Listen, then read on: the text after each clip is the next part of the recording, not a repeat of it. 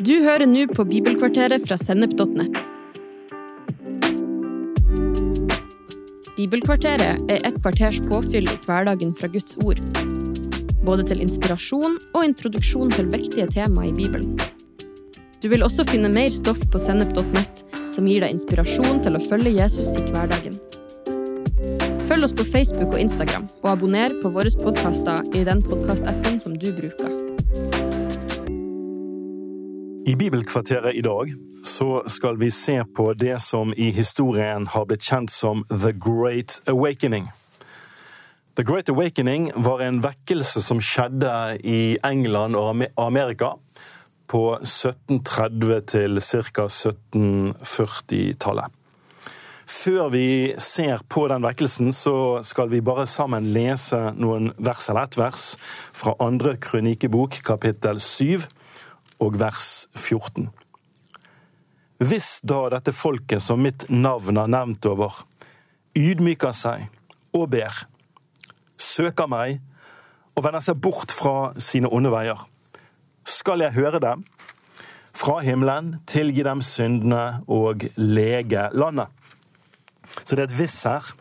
Hvis Guds folk ber, ydmyker seg og ber, og søker Han, og vender om, så lover Gud at han skal høre, han skal svare, han skal tilgi, og han skal lege landet. Og det var definitivt behov for legedom for landet både i England og Amerika forut for denne vekkelsen, The Great Awakening. I England så var det et stort moralsk forfall. Noen ganger så er det jo sånn at vi, vi tenker at i gamle dager da var vel folk relativt moralske.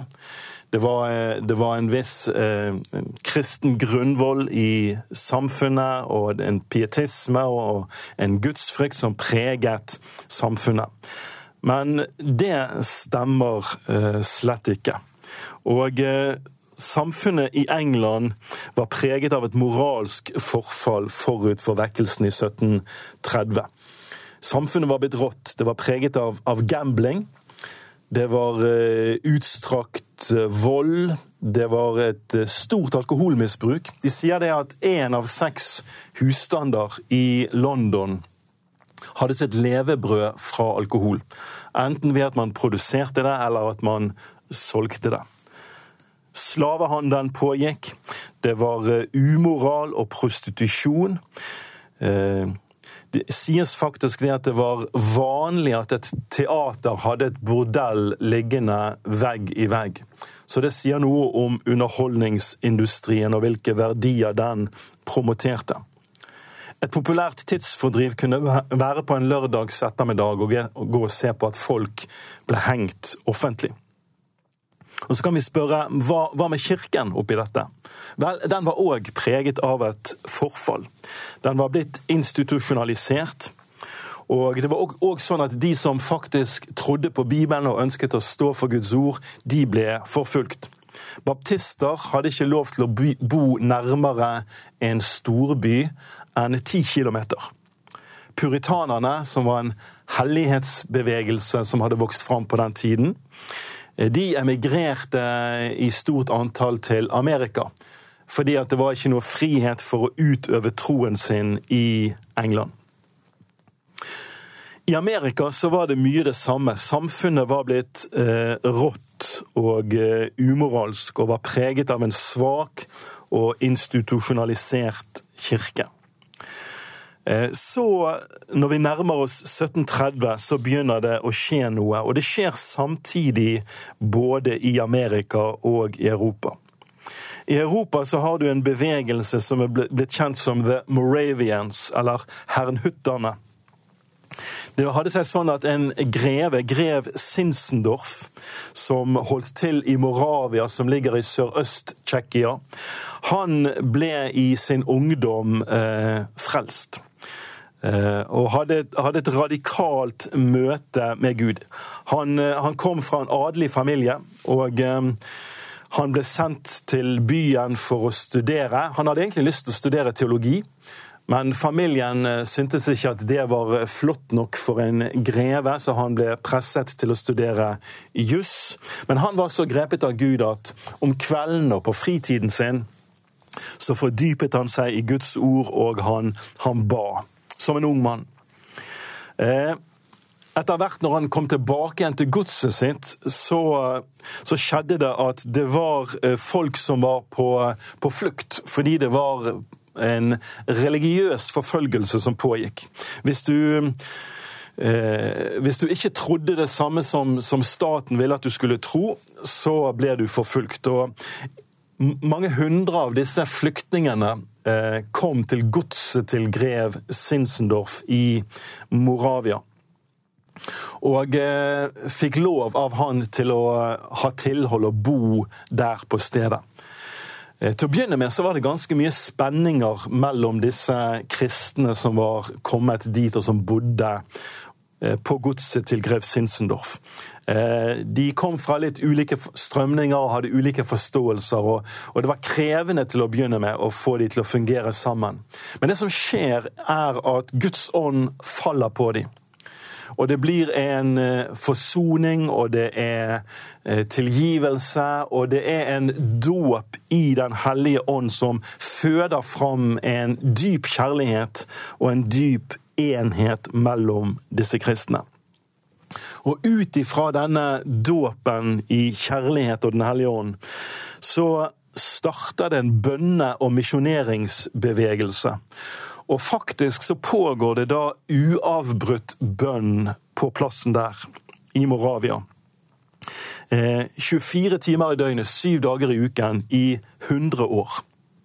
Og ut ifra denne bønnebevegelsen og bønnevekkelsen så eh, fødes det en misjonsbevegelse. Så mange som 300 misjonærer blir sendt ut fra Eh, Moravia.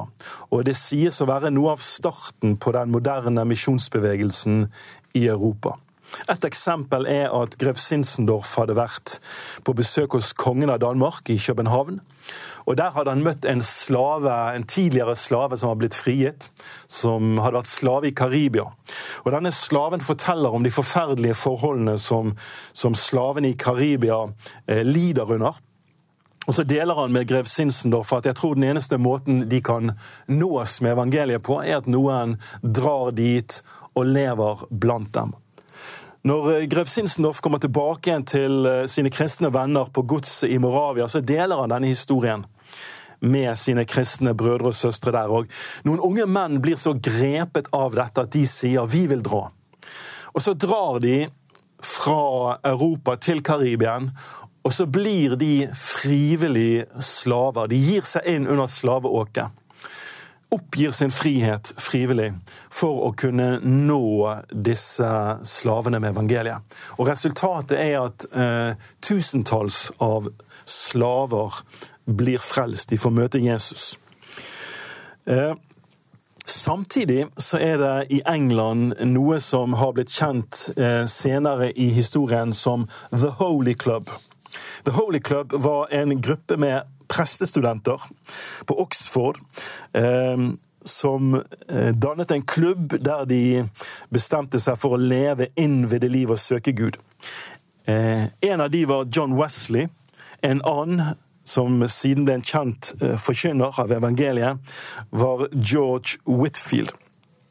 Og i The Holy Club så, så, var det en enorm overgivelse og dedikasjon.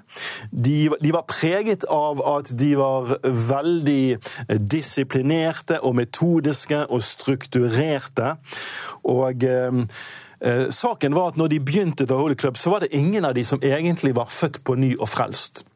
Men de, de, hadde et hjerte for å tjene Gud, og de, de, de, var da så disiplinerte og strukturerte i dette her at de fikk et, et kallenavn, og det var metodistene som siden ble kjent som eh, si, metodistene sånn som vi kjenner de i dag. Men til å begynne med så var det faktisk et kallenavn som ikke var positivt ment. Eh, de var så metodisk i sin tilnærming til det å tjene Gud. Eh, John Wesley, han eh, etter endte prestestudier eh, bestemmer seg for å dra til Amerika fordi han ønsker å nå indianerne med evangeliet. Og her, Han er fremdeles ikke født på ny. Den turen blir en skikkelig nedtur, en fiasko. Han lykkes ikke med å nå indianerne med evangeliet. Men på båten bort til Amerika så eh, kommer der en voldsom storm. Og eh, skipet er i ferd med å gå under, og både passasjerer og mannskap frykter for sine liv. Og på det skipet så er det òg noen av disse Moravians. Moravianerne. Hernhutterne. Og eh, John Wesley legger merke til at det er ingen av de som frykter for sitt liv. De synger lovsanger til Gud, og det synes som om de tenker at går vi ned, så går vi ned, og da går vi hjem til Herren. Vi frykter ikke. Og det her gjør et dypt inntrykk på John Wesley. Når han kommer tilbake igjen etter sitt amerikaopphold til eh, England, så møter han Herren.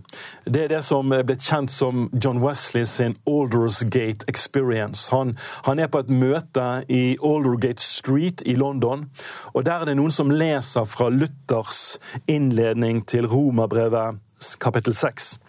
Og mens John Wesley lytter til dette, så sier han at My heart was strangely warmed. Hjertet mitt ble på en forunderlig måte varmt. Og, og der og da blir han født på ny. Og eh, Ut ifra dette så begynner både han og George Whitfield å forkynne evangeliet. George Whitfield han er blitt frelst eh, noe før eh, John Wesley og har begynt å forkynne i friluft. Eh, fordi at begge disse hadde møtt Gud, og eh, det var rett og slett ikke rom for dem i den formelle og institusjonaliserte kirken. Så de slapp ikke til med sin forkynnelse der. Og Ut ifra det så begynte først eh, George Whitfield å forkynne evangeliet i friluft, og han fikk overtalt John Wesley til å gjøre det samme. Og Det som skjer da, er at store folkeskarer strømmer til for å høre evangeliet. 10 og 20 og 30 000 mennesker på ett møte. Noen sier mer, både 40 og 50.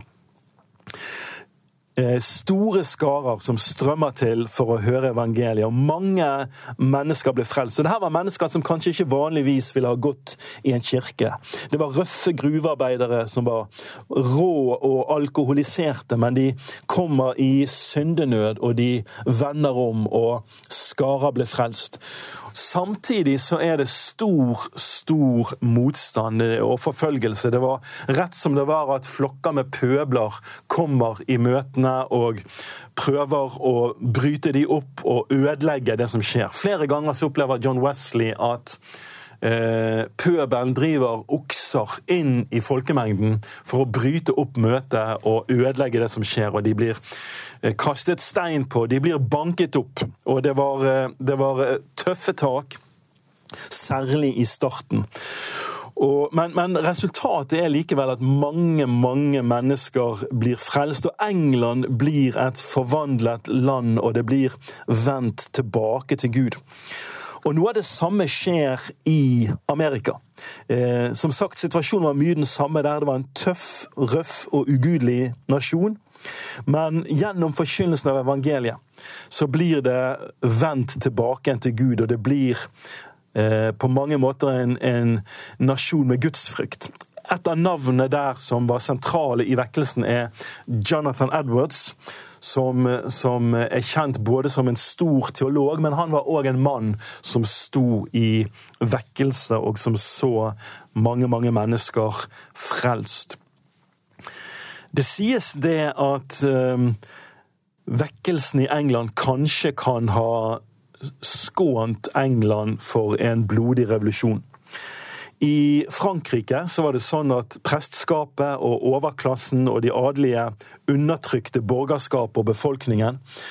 Eh, og det resulterte i en eh, revolusjon som var både blodig og på mange måter antikristelig. Voltaire med sine ideer eh, eh, preget den eh, revolusjonen. Og det ble på mange måter en antikristelig revolusjon. Og noen, noen hevder det, jeg skal ikke gå god for at det nødvendigvis er riktig, men noen hevder det at istedenfor en revolusjon, sånn som man fikk i Frankrike, så fikk man i England en vekkelse som vendte nasjonen tilbake til Gud, og som tuftet nasjonen på um, kristne verdier. Så det som skjedde, var rett og slett som et resultat av, av bønn representert både med The Moravians, men òg med de kristne som, som, så frafallet både i England og i, i Amerika. Gjennom bønn og forkynnelse av evangeliet så brøt det løs en vekkelse som eh, førte til frelse for skarer av mennesker, og som ble til det gode for nasjonen. Gud leget landet, som vi leste i andre krønikebok 714. I neste episode av denne lille serien om bønn og vekkelse så skal vi se på det som har blitt kalt The Second Great Awakening.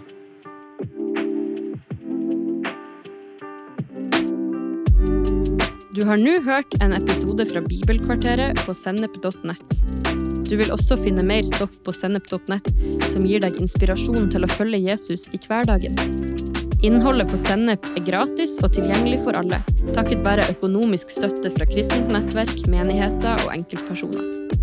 Du kan også hjelpe oss ved å be for oss, dele innholdet vårt med venner og bekjente, rate podkastene i den podkastappen du bruker, eller ved å gi en gave på VIPS. VIPS nummer 54 66 68. Takk for at du lytta til sennep.nett.